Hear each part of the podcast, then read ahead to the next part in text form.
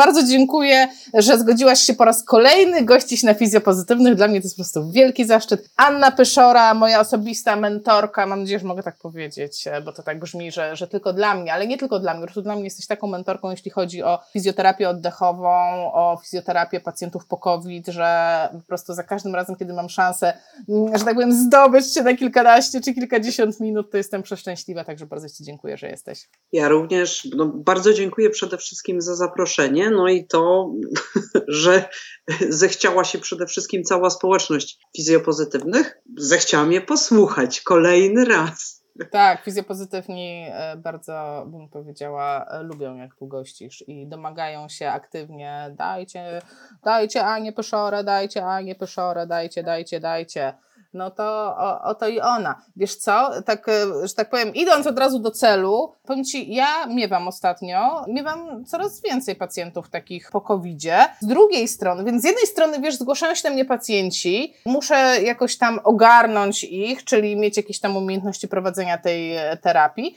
ale z drugiej strony znam mnóstwo osób, które przeszły COVID i ja mam taką chęć, tak, tak coś im podpowiedzieć, wysyłam im tam, nie wiem, te poradniki WHO i tak, i tak się dopytuję, a coś tam robicie? E, powiedz mi, jak ty to widzisz w ogóle, to, jakby to dobrze czy niedobrze? W sensie pchać wszystkim tą rehabilitację, fizjoterapię oddechową, no czy nie wszyscy jednak jej potrzebują? Jak to, jak to widzisz? No, to bardzo ciekawe pytanie. No, w zasadzie, czy wszyscy pacjenci, którzy przebyli COVID-19, potrzebują rehabilitacji, no, w tym fizjoterapii? Znaczy, ja odpowiem, że nie. Myślę, że część osób no, może mogłaby skorzystać czasami z jednorazowej konsultacji u fizjoterapeuty, której bazą był, byłaby jakaś przekazanie informacji, co mogą robić, czyli powiedzmy, że to Asiu realizujesz, przekazując chociażby ten poradnik, natomiast no, podzielam Twoje odczucie, że tych pacjentów jest bardzo dużo. No, no bo jak spojrzymy na statystyki, no powiedzmy zerknijmy. Mamy prawie 3 miliony osób, które przebyło COVID-19. 38, tak, nie mylę się, milionowym kraju. To jest, no, szybko kalkulując, jakieś, no, powiedzmy 8%. Więc będziemy tych pacjentów spotykać. Ja myślę, że jeszcze jest tak, że będziemy ich spotykać niekoniecznie z powodu objawów, które oni traktują jako objawy pokowidowe. Po prostu oni będą częścią naszej pracy, a przy okazji my dzięki kompetencji, jakby swojej, nie wiem, związanej z przeprowadzeniem dobrego wywiadu poprzedzającego fizjoterapię na którą oni się zgłaszają z innego powodu, możemy się dowiedzieć, że ich problem może być powiązany z przebytem COVID-19. Ale odpowiadając na pytanie, myślę, że nie wszyscy. Wiemy dzisiaj, że mniej więcej 20-30% osób, które przebyło COVID-19, będzie się zmagało z długofalowymi skutkami. To jest oczywiście powiązane z, też z rodzajem jaki był przebieg tak, COVID-19. Tak na biegu liczę, wiesz co, na biegu liczę ile to jest 20% z 3 milionów, ale w tym upale ciężko mi idzie. To jest 60 i teraz ile zer? Tysięcy. Tak, jest, jest znaczy masa, masa ludzi. 600 e, tysięcy. tak, tak. 600 tysięcy osób, a 70 tysięcy fizjoterapeutów w Polsce, więc nie ma bata. Każdy, się z nami, każdy z nas się zepnie z tymi pacjentami. No nie ma innej opcji. Dokładnie. Ja to samo bardzo często mówię, bo, bo uczę fizjoterapii w onkologii i czasami jak widzę średnie zainteresowanie tematem wśród studentów, to pytam, jakby, czy masz wrażenie, że ciebie to nie dotyczy, tak? mam takie odczucie i często słyszę, mówią, tak, wie pani, bo mnie to kompletnie ten obszar nie interesuje. Mhm, tak? Ale patrząc na ilość ludzi, którzy chorują na raka, prawdopodobieństwo spotkania pacjenta, który przyjdzie do nas z problemem na przykład ortopedycznym, ale ma w historii chorobę nowotworową, jest ogromne i trzeba wiedzieć, jakby co z takim pacjentem można robić, a czego nie można robić. Więc no, mamy, mamy bardzo dużą grupę pacjentów i wiemy już na podstawie badań naukowych, że duża grupa tych osób będzie miała długofalowe skutki w postaci chociażby zespołu, można powiedzieć nowego zespołu chorobowego, jakim jest long COVID. Wiesz co, Mirek pisze tutaj na czacie,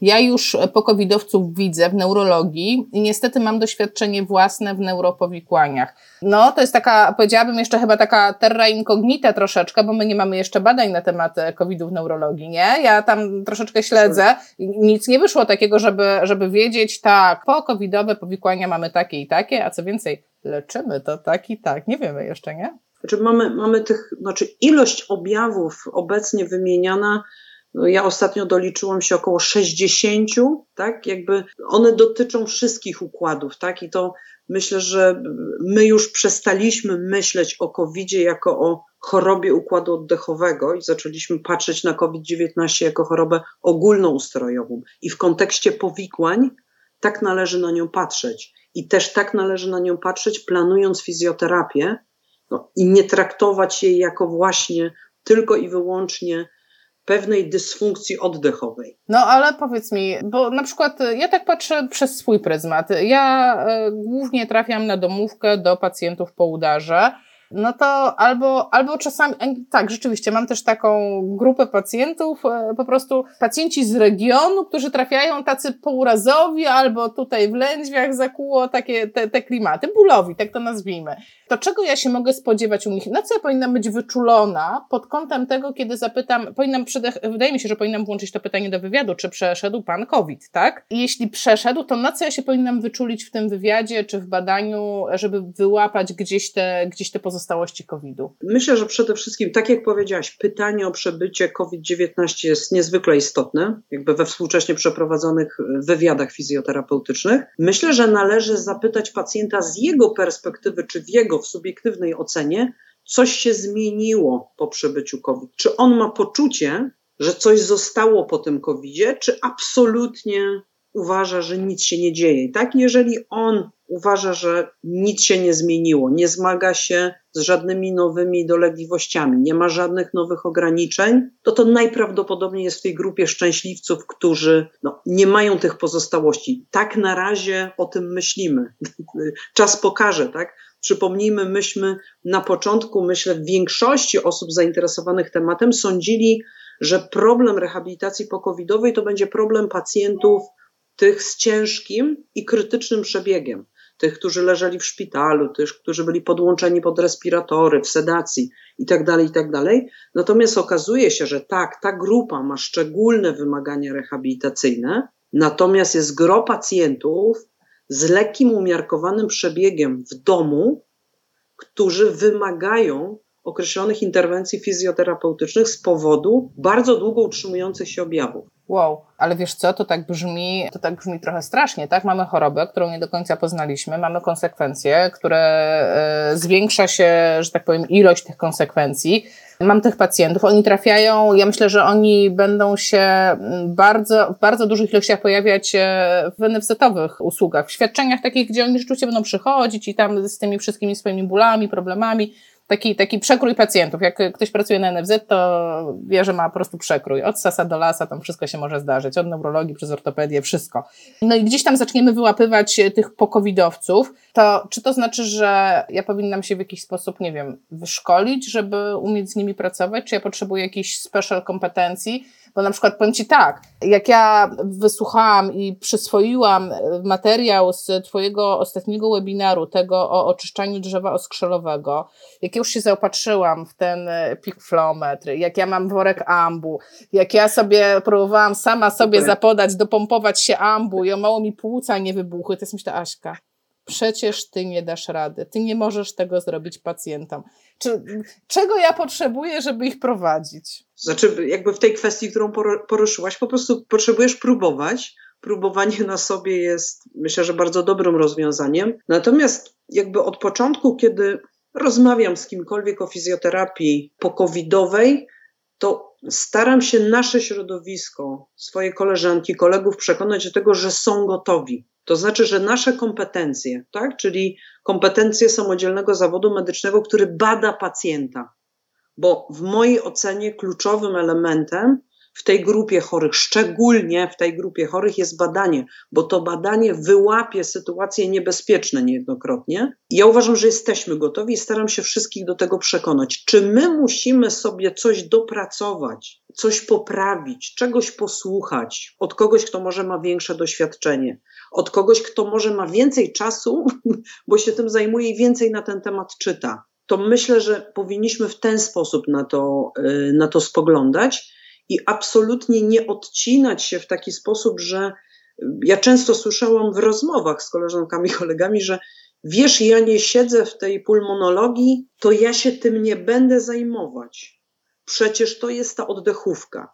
I okej, okay, słuchajcie, jeżeli ktoś ma doświadczenie w pracy z pacjentami z chorobami układu oddechowego, czy dla niego będzie to łatwiejsze, praca z takim pacjentem? W pewnych obszarach tak ale pamiętajcie, że te osoby bardzo często nie mają doświadczenia w pracy z pacjentem neurologicznym. A szereg pacjentów pokowidowych, szczególnie po tych ciężkich przebiegach, ja uważam, że idealne kompetencje mają fizjoterapeuci neurologiczni. Będzie gro pacjentów, którzy się będą zmagać z dolegliwościami bólowymi o charakterze mięśniowo-powięziowym, bo mamy szereg doniesień, które mówią, że to jest problem. I teraz no, to jest w tym jednym worku rehabilitacji postcovidowej jest tyle różnych rzeczy i tyle różnych problemów, że nie jest nikt kompetentny w pełnym zakresie. Więc wszyscy jesteśmy, że tak powiem, na starcie w bardzo podobnej sytuacji. To jest pytanie, co z tym zrobimy, nie? Czy będziemy się interesować, czy będziemy się uczyć, dowiadywać, co mogę zrobić,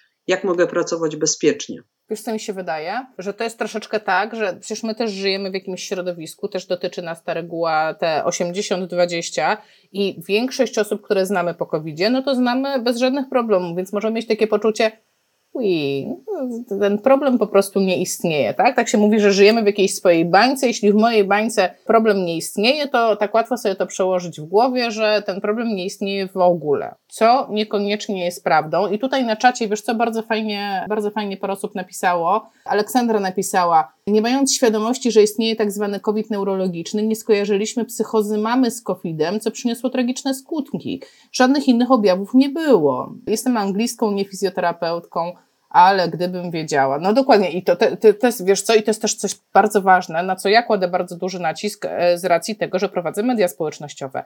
Edukacja.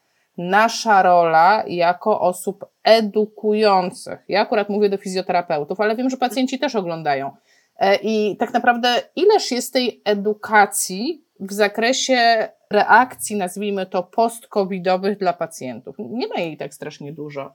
Jeszcze, jeszcze, e, jeszcze coś Ci przeczytam. Nasi pacjenci skarżą się nawet na nerwice po covid na zaniki pamięci, też się z tym spotkałam. Tutaj Paulina pisze, że ma pacjenta z dwoma opadającymi stopami i też mi to mówili, osoby mi to mówiły na kursach, że takie obwodówki się zdarzają po covid Od razu, od razu Wam powiem, że planuję na ten temat cały materiał, na temat neurokowid i na temat konsekwencji neurologicznych, także stay tuned. Super, super. Myślę, że to jest bardzo ważny temat, bo to będzie nasza grupa pacjentów, znowu, tak? tak? Pacjentów troszeczkę innych. I zobacz, na bazie kompetencji, które masz i ma wiele osób tak, w naszym środowisku, trzeba dobudowywać tą aktualną wiedzę na temat tego, z czym to jest związane z COVID-em. My musimy jako grupa zawodowa być, przepraszam, odważni, jak chcę wlewać taką e, nadzieję, jakby nadzieję i wiarę, tak? Bo zobaczcie, przyszła pandemia, czy lekarze mieli doświadczenie w pracy z pacjentami z COVID-19?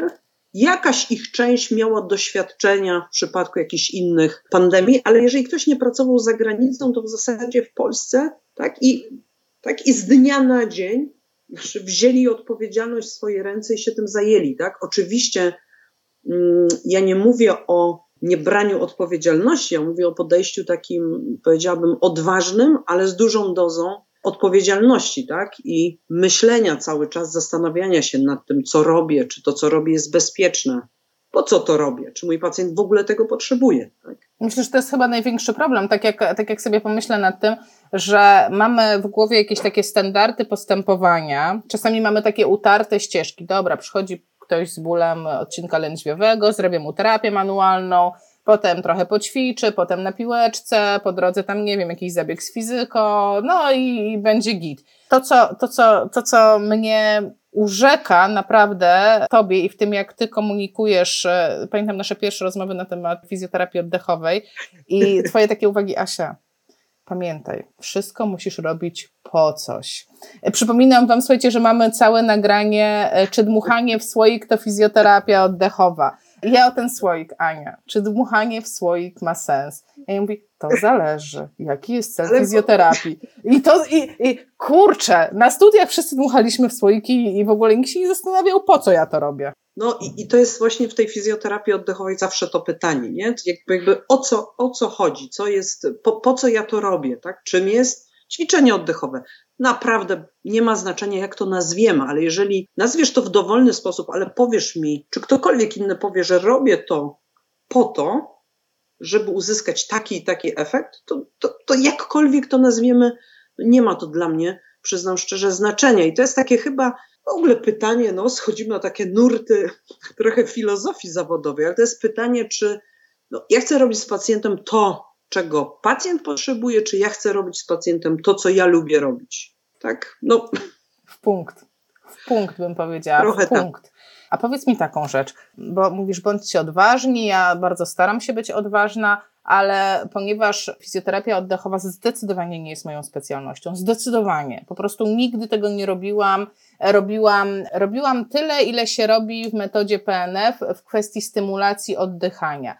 Więc to jest jakiś wycinek fizjoterapii oddechowej. To nie jest, to nie jest fizjoterapia oddechowa. Tak? Znaczy, jest to element tak, do wykorzystania wtedy, kiedy jest to potrzebne. Tak?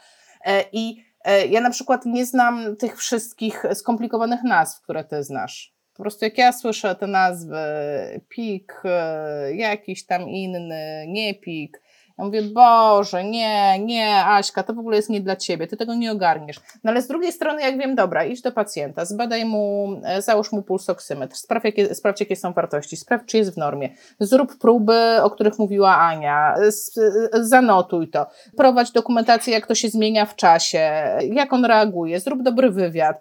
No to, to tak, tak sobie myślę, nie, jednak Aśka, też radę. Nie, też radę, też radę. Tak jest. To znaczy, jakby ja jestem zwolenniczką prostych instrukcji, ale też jakby takich instrukcji, to do czego się odwołałaś, po co ja to robię i jak ten wynik wpływa na to, co ja dalej robię.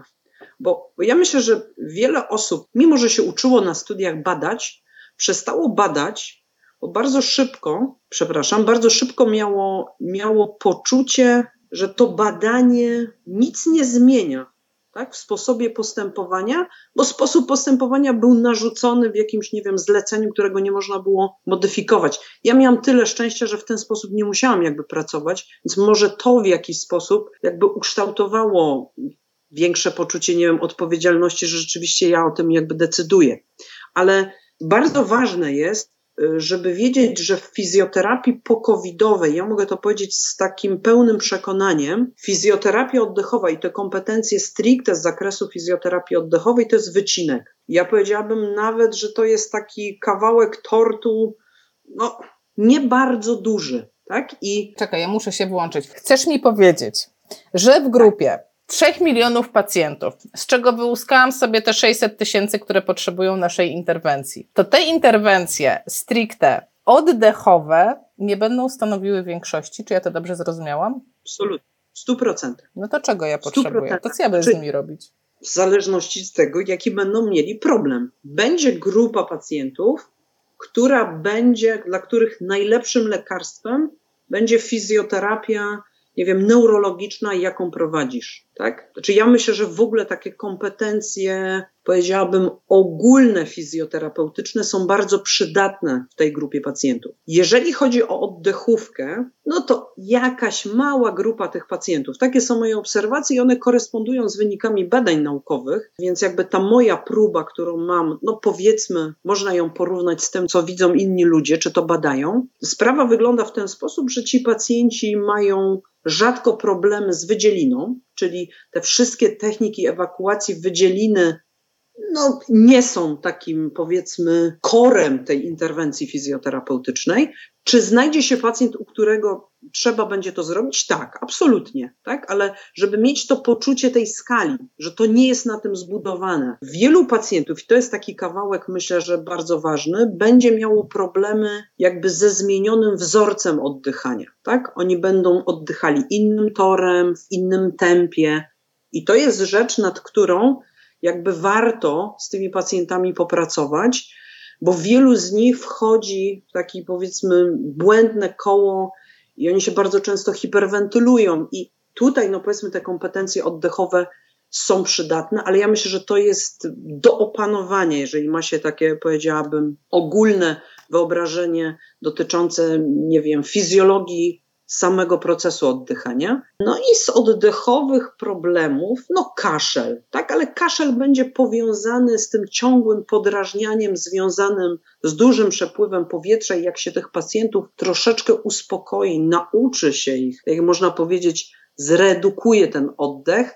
Brytyjczycy to nazywają breathing retraining, tak? To jak się to zrobi, to się na przykład bardzo często problem kaszlu rozwiązuje. I w zasadzie mogłabym już skończyć, jeżeli chodzi o fizjoterapię oddechową pacjenta pokowidowego. Plus z wywiadu, ewentualnie, czy w trakcie oceny tolerancji wysiłku fizycznego, jeżeli wyjdą nam jakieś desaturacje, tak, czyli ten pacjent, mm, temu pacjentowi w trakcie e, fizjoterapii, czy w trakcie y, terapii spada bardzo mocno poziom natlenienia, tam powiedzmy poniżej 4% tej wartości wyjściowej, no to trzeba po prostu pomyśleć o tym, żeby temu pacjentowi podpowiedzieć wizytę u lekarza, żeby rozpocząć na przykład tlenoterapię. Tacy pacjenci obejmowani są domowym leczeniem tlenem i wtedy na tym tlenie możemy z tymi pacjentami ćwiczyć. Tutaj ja wspomnę jedną z naszych pierwszych rozmów, której powiedziałaś mi w bardzo delikatnych słowach, za co po prostu serdecznie dziękuję, ale jednak powiedziałaś mi, Aśka, wiesz o tym, że tam ćwiczeniami oddechowymi to ty nie poprawisz ich wydolności oddechowej. Zapomnij.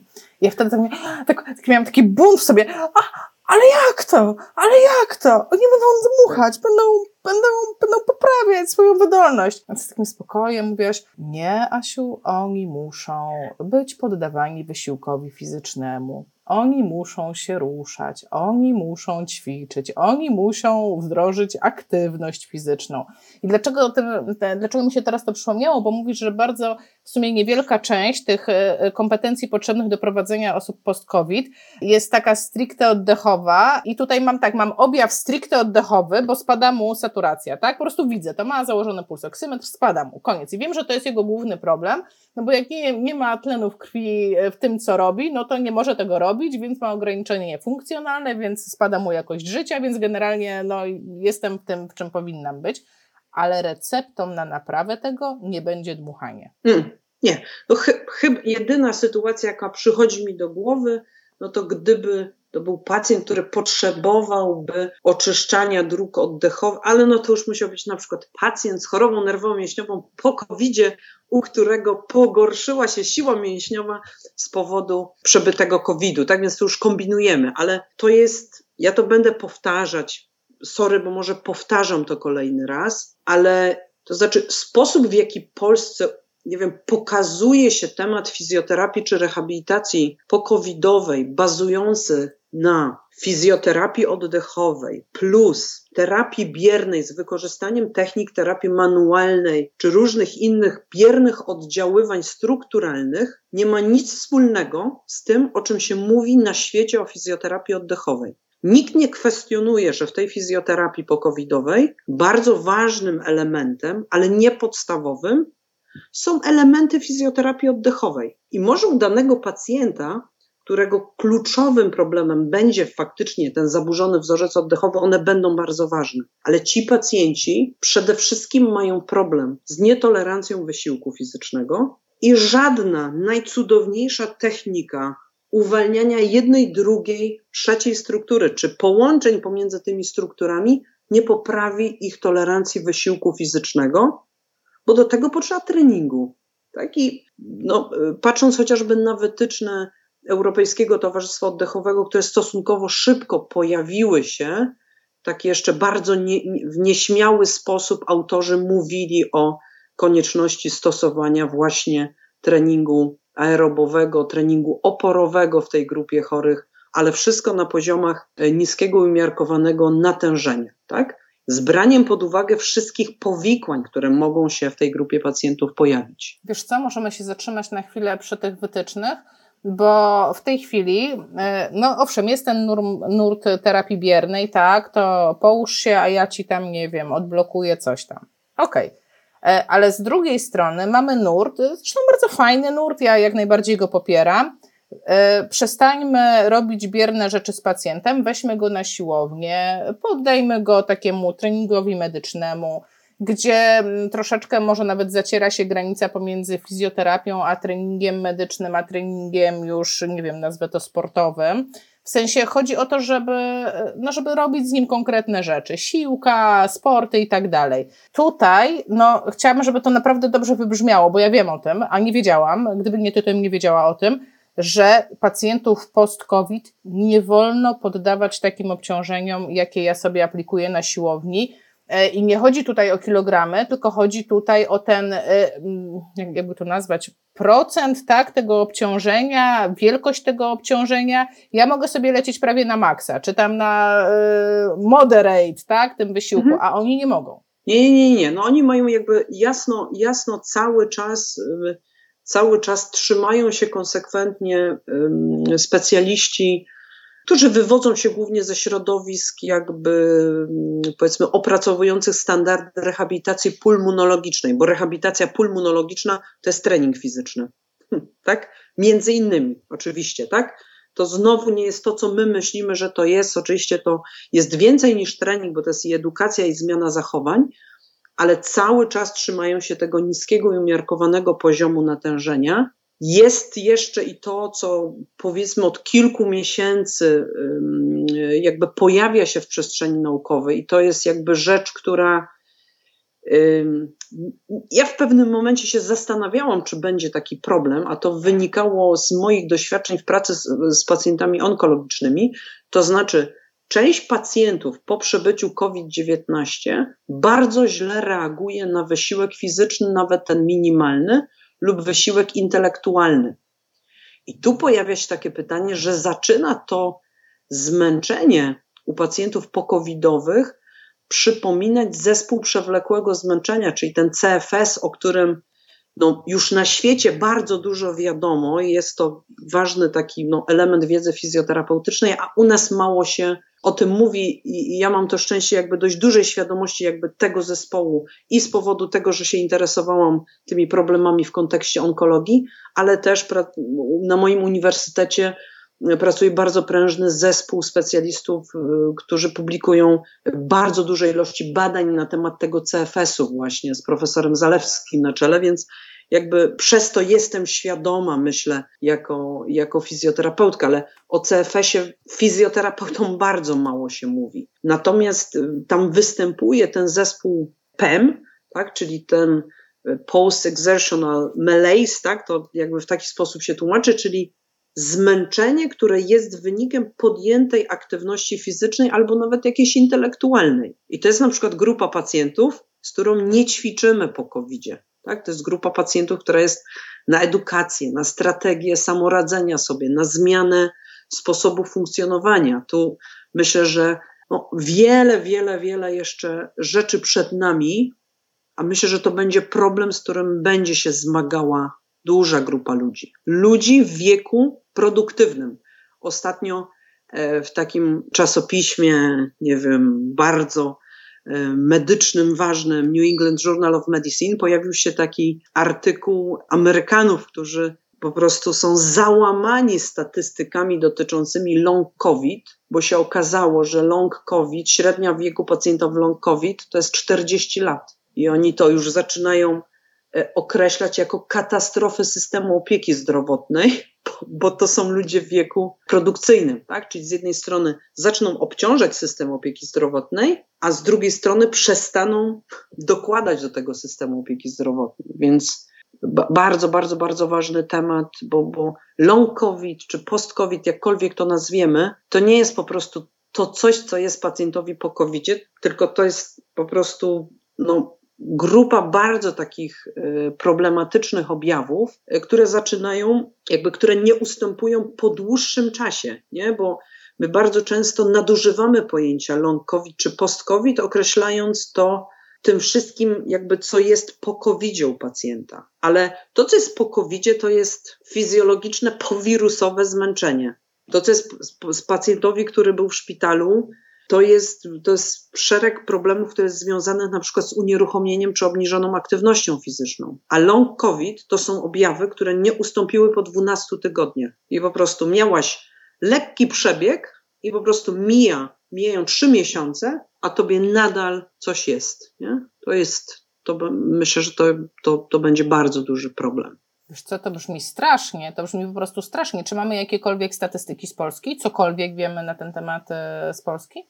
Znaczy, ja myślę, że to w Polsce jakby w statystykach będzie ukryte, bo w Polsce jest problem, znaczy, przepraszam, ja to widziałam, bo ja robiłam doktorat ze zmęczenia, doktorat, znaczy ze zmęczenia w chorobie nowotworowej. Jak mi ktoś zaproponował, żebym podjęła ten temat, powiedziałam, ale ten problem nie istnieje u moich pacjentów. W momencie, kiedy dostałam prostą skalę, która miała, że tak powiem, tych pacjentów wyłowić, okazało się, że z moich pacjentów, których tam wtedy miałam, nie wiem, w opiece paliatywnej powiedzmy 15, 13 miało objawy jakby zespołu zmęczenia związanego z chorobą nowotworową. To jest taki CRF. To jest jakby jeszcze, żeby też nie mylić tego. I teraz i wtedy jakby się okazało, że ten problem istnieje. My chyba jesteśmy ciągle zmęczonym narodem, więc to pytanie o zmęczenie, to znaczy zapytaj kogoś, jak się czuje, jak powie, że jest zmęczony, to to jest norma. Jak powie, że jest dobrze i świetnie się czuje,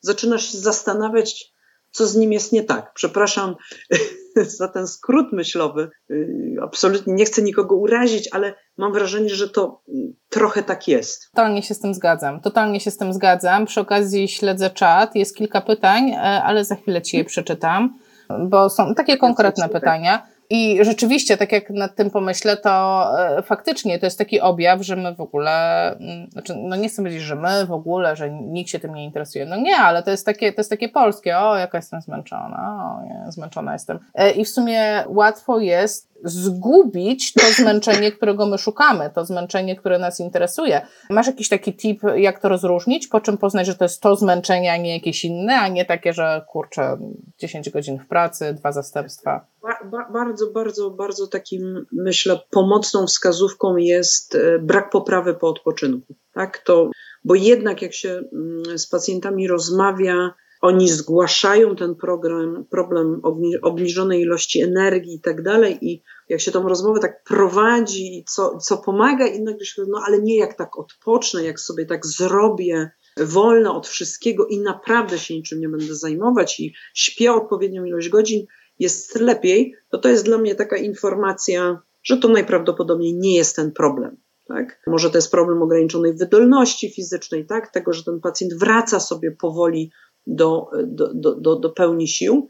Natomiast jak słyszę właśnie, że ten odpoczynek nie pomaga, a już w ogóle jak słyszę o, o objawach tego zespołu PEM, tak? czyli, czyli ktoś mówi, że triggerem objawów jest na przykład wysiłek intelektualny. Myślę, że fizyczny do nas jeszcze tak nie przemawia, no bo się po prostu zmęczył, może ma nietolerancję wysiłku, może potrzebuje trenować, ćwiczyć, tak? Ale jak ktoś mówi, że w cudzysłowie zabija go jakaś prosta aktywność e, intelektualna, to, to, to, to zaczyna mnie osobiście zastanawiać.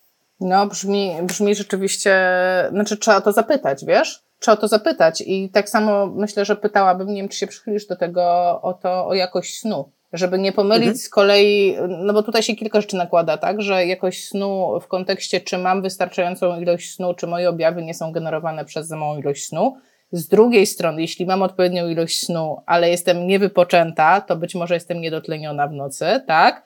E, mhm. No i trzecie, czy wstaję zmęczona i teraz pytanie, jak wygląda moje natlenowanie w nocy, tak? Znaczy, to jest taka kompilacja, popraw mnie, jeśli ja się mylę. E, I tutaj... Nie, jakby to, to jest niesłychanie złożony problem, tak? I to jest, my jakby jako fizjoterapeuci jesteśmy, to co powiedziałabym, namacalni, a to jest takie, to jest takie nie nasze, tak? Bo tego nie można dotknąć. No, nie można ocenić napięcia, nie można wypalpować. Tak? No ale zmierzyć można. No teraz już no, zakładam, tak. że wszyscy mają pulsoksymetry. No nie ma tak, żeby ktoś nie miał. E, I tutaj Teresa, wiesz, zapytała na czacie, e, od jakiej wartości e, uznajemy, przy jakim poziomie saturacji kierujemy pacjenta na dotlenianie, czyli rozumiem na tą terapię tlenem. I nawet padła odpowiedź od Przemka przy spadku saturacji poniżej 4% od pozycji wyjściowej, ale wiesz co, ja tutaj totalnie rozumiem pytanie Teresy, bo z tym się spotkałam u swoich pacjentów i to na maksa. No dobra, ale czy mamy na myśli ten spadek, załóżmy, robiłam mu próbę, niech to będzie, nie wiem, e, próba 6 minut, tak? E, robiłam mu próbę, no i mu spada w czasie tej próby, no to ja to rozumiem, rozumiem ten związek przyczynowo-skutkowy, ale przecież są pacjenci, którzy wyjściowo, Mirek pisze, no ja to wyjściowo to już mam tylko 95, tak? E, I to jest moja norma w tej chwili po COVID-zie, e, a ja mam pacjenta, który wyjściowo ma 90, a jak wstanie, to ma 70 i mówi, a pani Joanno, do 70 to ja toleruję, a ja na przykład mam fizjoterapeutyczny zawał serca, jak widzę 70, tak? To jakby na co zwracamy uwagę? Znaczy, procent jest podany dlatego, że to jest wartość, tak? Wtedy liczymy tą wartość e, z tego punktu wyjściowego. E, ważna też rzecz, i to podkreślam, bo od kiedy trąbi się o pomiarze saturacji w telewizji, wszyscy pragną mieć co najmniej 95, a nie wszyscy 95 mają, a już e, największe, że tak powiem, procesy edukacyjne muszę prowadzić u moich pacjentów z POHP, u których y, u części taką no, normalną docelową saturacją jest poziom 88-90. My się nawet martwimy, jak oni mają wyższą, no bo no to jest związane z rodzajem niewydolności oddechowej, jaką mają.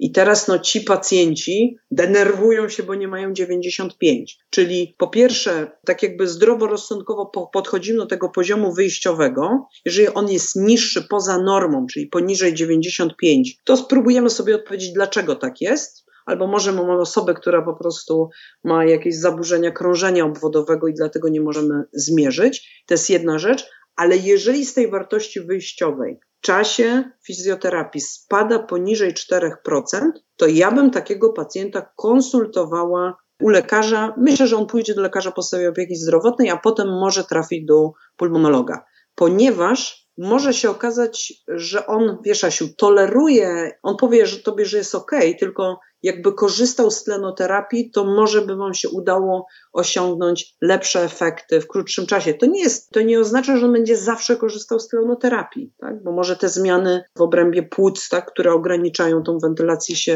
y, zmienią po czasie, tak? Więc tutaj ja bym się trzymała tak jakby ściśle tej zasady jednak traktowania takich desaturacji jako zapotrzebowania na tlenoterapię. I wtedy do lekarza pierwszego kontaktu ich odsyłać? Absolutnie. I wtedy tam ruszy, ruszy jakaś dalej. ścieżka, tak. nie? Jakaś tam. Tak jest, dokładnie. Teresa pisze, pracowałam na pulmonologii parę lat i się orientuję. Ciekawe mnie nasi nowi pacjenci w trakcie rehabilitacji ambulatoryjnej. No, myślę, że wszystkich ciekawią ci pacjenci, co tam będzie się z nimi działo.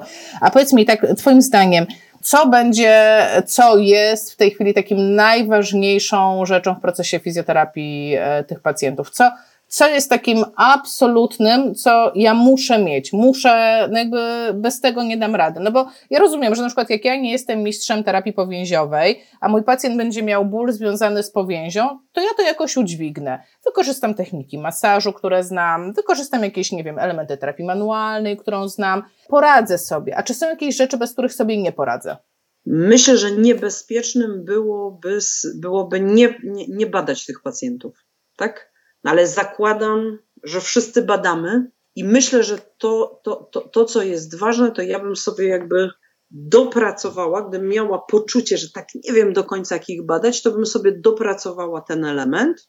Y, myślę, że my, my słabo pacjentów edukujemy, to znaczy myślę, że mamy pewnego rodzaju mm, niedoskonałość polegającą na tym, że za mało kładziemy nacisku na to, co jest istotą procesu rehabilitacji, czyli na to, co pacjent może zrobić sam dla siebie.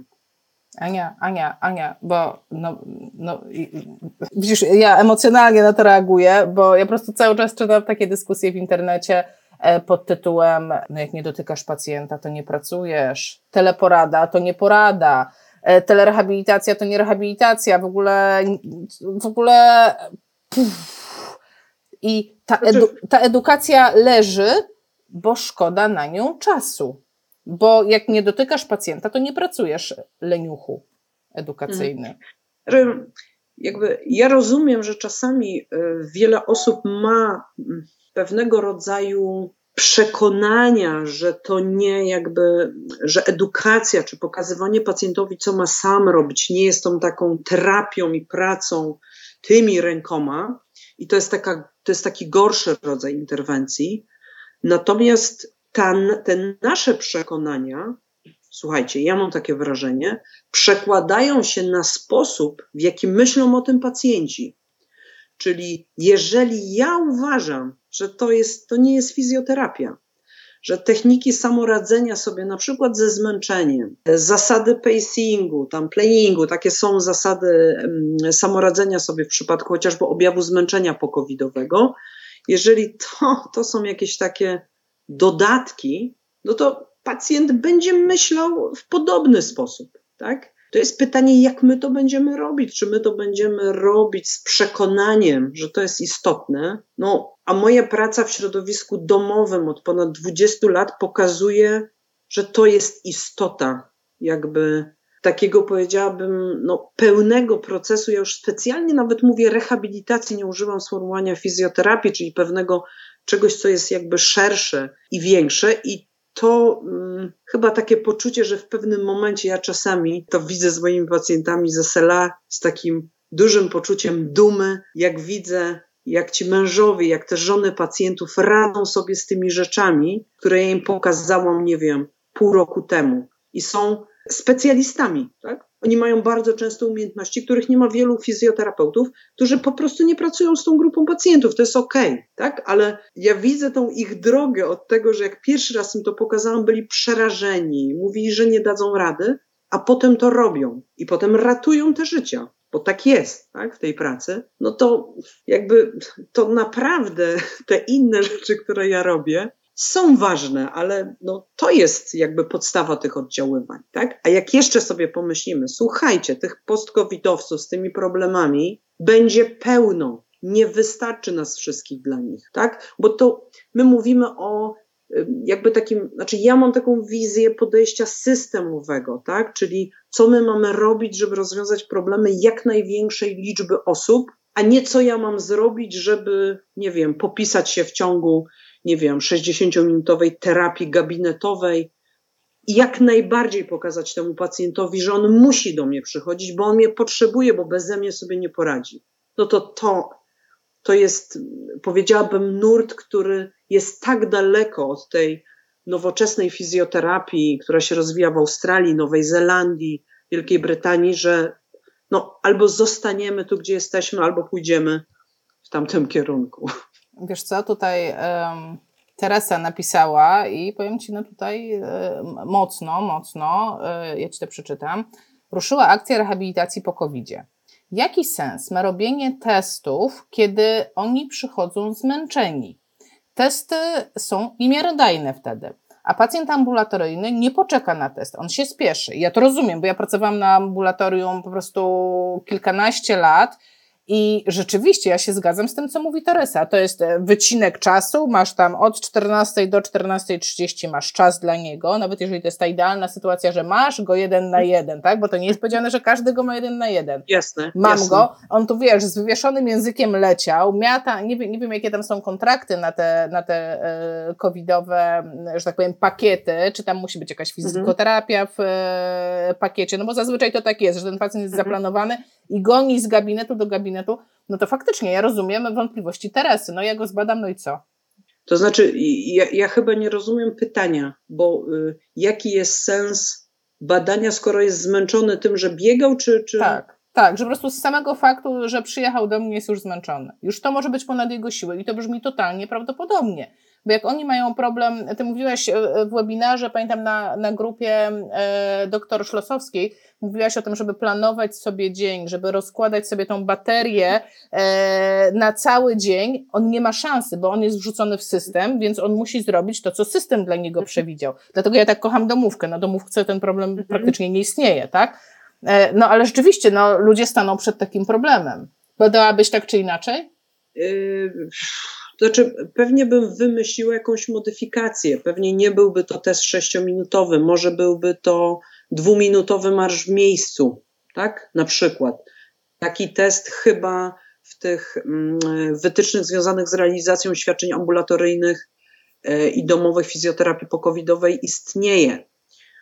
To znaczy, mm, ja byłam jedną z osób, która opracowywała programy fizjoterapii pokowidowej proponowane do Ministerstwa Zdrowia. Obiecano nam również, że one w pełni, włącznie z finansowaniem, które zatwierdziła Agencja Oceny Technologii Medycznej, więc to była duża sprawa, miały być w odpowiedni sposób zaproponowane przez nas i wyliczone, finansowane, tak też, żeby odpowiednia ilość czasu była na tych pacjentów i żeby to nie były, że tak powiem, sesje, y, w których, żeby się opłacało, musi uczestniczyć kilka czy kilkanaście osób. Natomiast to, co Ministerstwo Zdrowia i następnie Narodowy Fundusz Zdrowia zrobiło z tym projektem, no, pozostało kompletnie już jakby poza, poza naszym wpływem. Myślę, że było szereg takich komunikatów e, na stronach akurat tutaj Krajowej Izby Fizjoterapeutów mm, na temat jakby tego, co zrobiono z tym programem pokowidowym, więc ja rozumiem absolutnie tutaj e, tą refleksję, czy tą wątpliwość, czy to pytanie, które się pojawiło na czacie. Jasne i pewnie nieraz tutaj, Jasiu, słyszysz, no jakby nie, nie, nie, system, przepraszam, jakby to nie lubię tego mówić, mm, bo pracuję w systemie świadczeń gwarantowanych od zawsze, tak? E, natomiast pracuję jakby w luksusowych warunkach e, fizjoterapii domowej, w której mam czas na pacjenta, tak? Określony, ale, ale mam możliwość przeprowadzenia tych wszystkich elementów, o których mówię. Okej, okay, jak już jesteśmy w takim, troszeczkę żeśmy weszli w takie czarnowidzenie, to ja pociągnę, ja pociągnę ten temat, ale tak e, ściągnę nas do portu fizjoterapii, sportu polityki. E, to na co my musimy bezwzględnie uważać z tymi pacjentami? W drugą stronę, co jest ważne, no bo już wiem, co jest ważne, no żeby ich zbadać, to jest ta strona taka, gdzie, e, czego ja potrzebuję, ale teraz powiedz mi, czy jest coś, na co ja muszę uważać? Absolutnie, to znaczy tak, pamiętajmy, że w tej grupie pacjentów mamy podwyższone ryzyko chociażby zmian zatorowo-zakrzepowych. Tak? Zatorowość płucna u tych pacjentów występuje zdecydowanie większą częstotliwością. Tak? A co za tym idzie, jeżeli mówimy chociażby o zakrzepicy żył głębokich, podwyższonym ryzyku no, chociażby y, udarów tak? niedokrwiennych, tak samo. Tak? Więc tutaj y, wszelkie objawy, tak? takie dla nas niezrozumiałe, jak nasilenie duszności, bóle w klatce piersiowej, nie, już nie mówię o jakiejś krwawej płocinie, tak?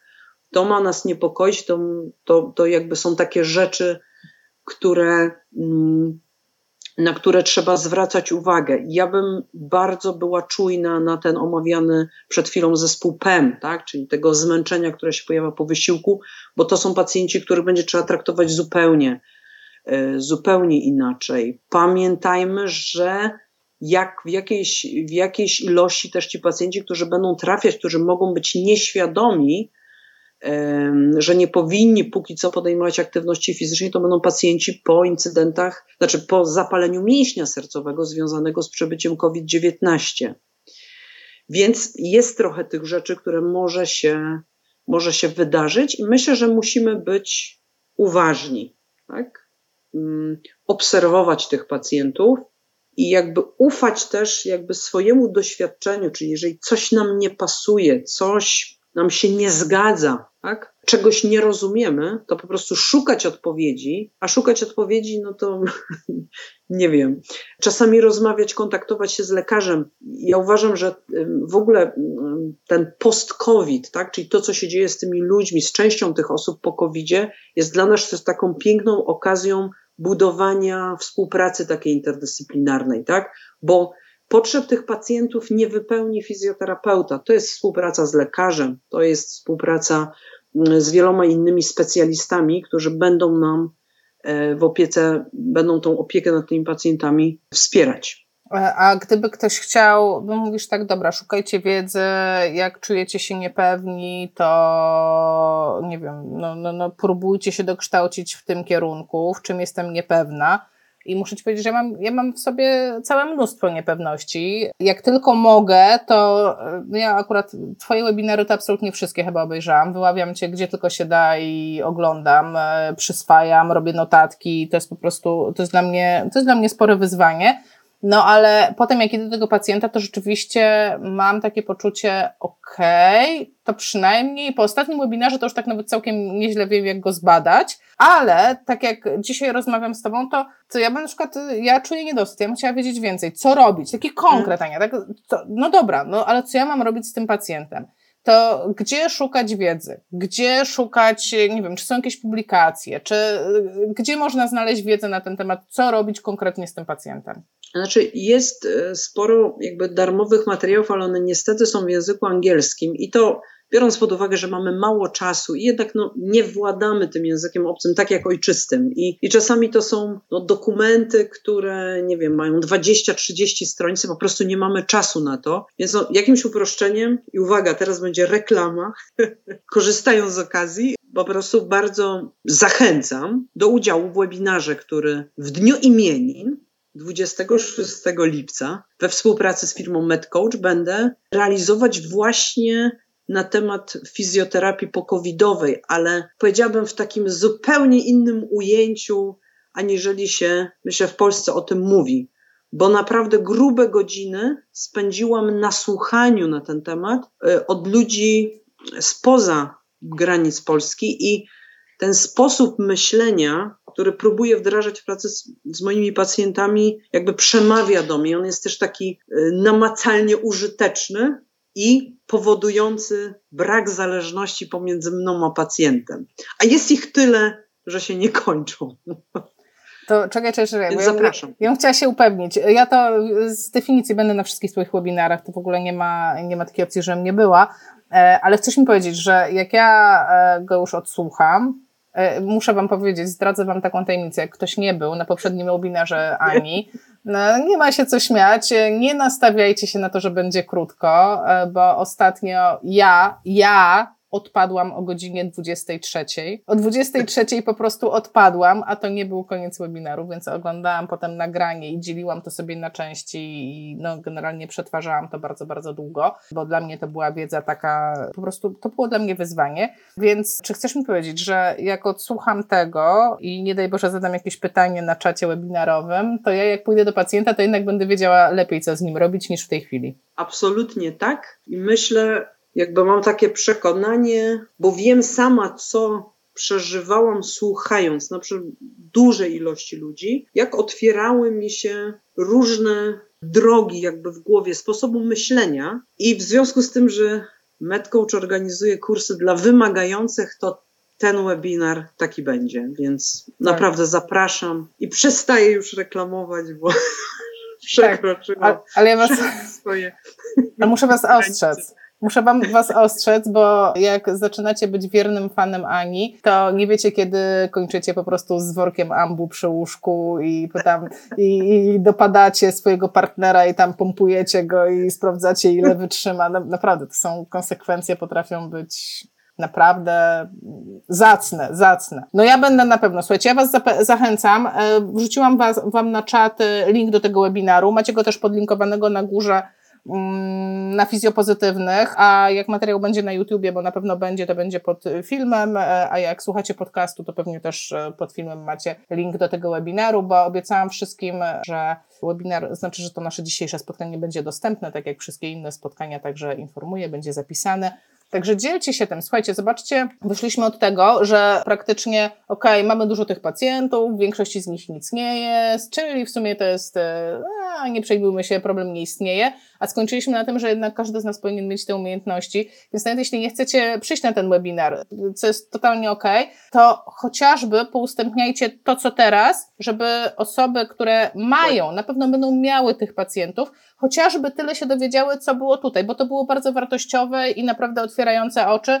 Ja Wam też e, wrzucę zaraz linka do takiego materiału naszego na YouTubie, już go wrzucam. Chodzi o e, dmuchanie w Dmuchanie w słoik wrzuciłam. Bo, A to fajny wstęp, tak. Tak, bo to tak. jest dobry wstęp, właśnie odpowiadający na pytanie, co, kiedy, tak? Co jest czym? Czym jest to dmuchanie w słoik, które jest całkiem spoko jeśli wiesz, po co to robić. No i cóż, patrz, wiesz, jak się wyrobiłyśmy? Godzina i jedna minuta, a rozmawiałyśmy, mhm. a przed, a przed wejściem tak rozmawiałyśmy, o, w sumie taki temat, pewnie szybko pójdzie, wakacje, wakacje są, tak. Sezon ogórkowy. Tak, także Aniu, bardzo dziękuję Ci za dzisiejsze spotkanie, jestem po prostu mega zadowolona, nie mogę się doczekać webinaru, mam nadzieję, że to nie był nasz ostatni raz, tak zawsze jak na wizji powiem, a Ty przytakniesz, to ja, to ja mam taką silną potem pozycję negocjacyjną. Dobrze, dobrze, dobrze. Bardzo Wam dziękujemy za dzisiejszy wieczór spędzony z long COVID, post COVID i wszystkim i z nami przede wszystkim. Trzymajcie Bardzo się. Bardzo dziękuję. Powiedziałabym, trzymajcie się ciepło, ale to może zabrzmieć niedobrze. Mamy lipiec 2021, fala upałów. Jak ktoś ogląda w innym terminie, to generalnie pod z nas spływa. Wszystkiego dobrego. Do zobaczenia. Cześć.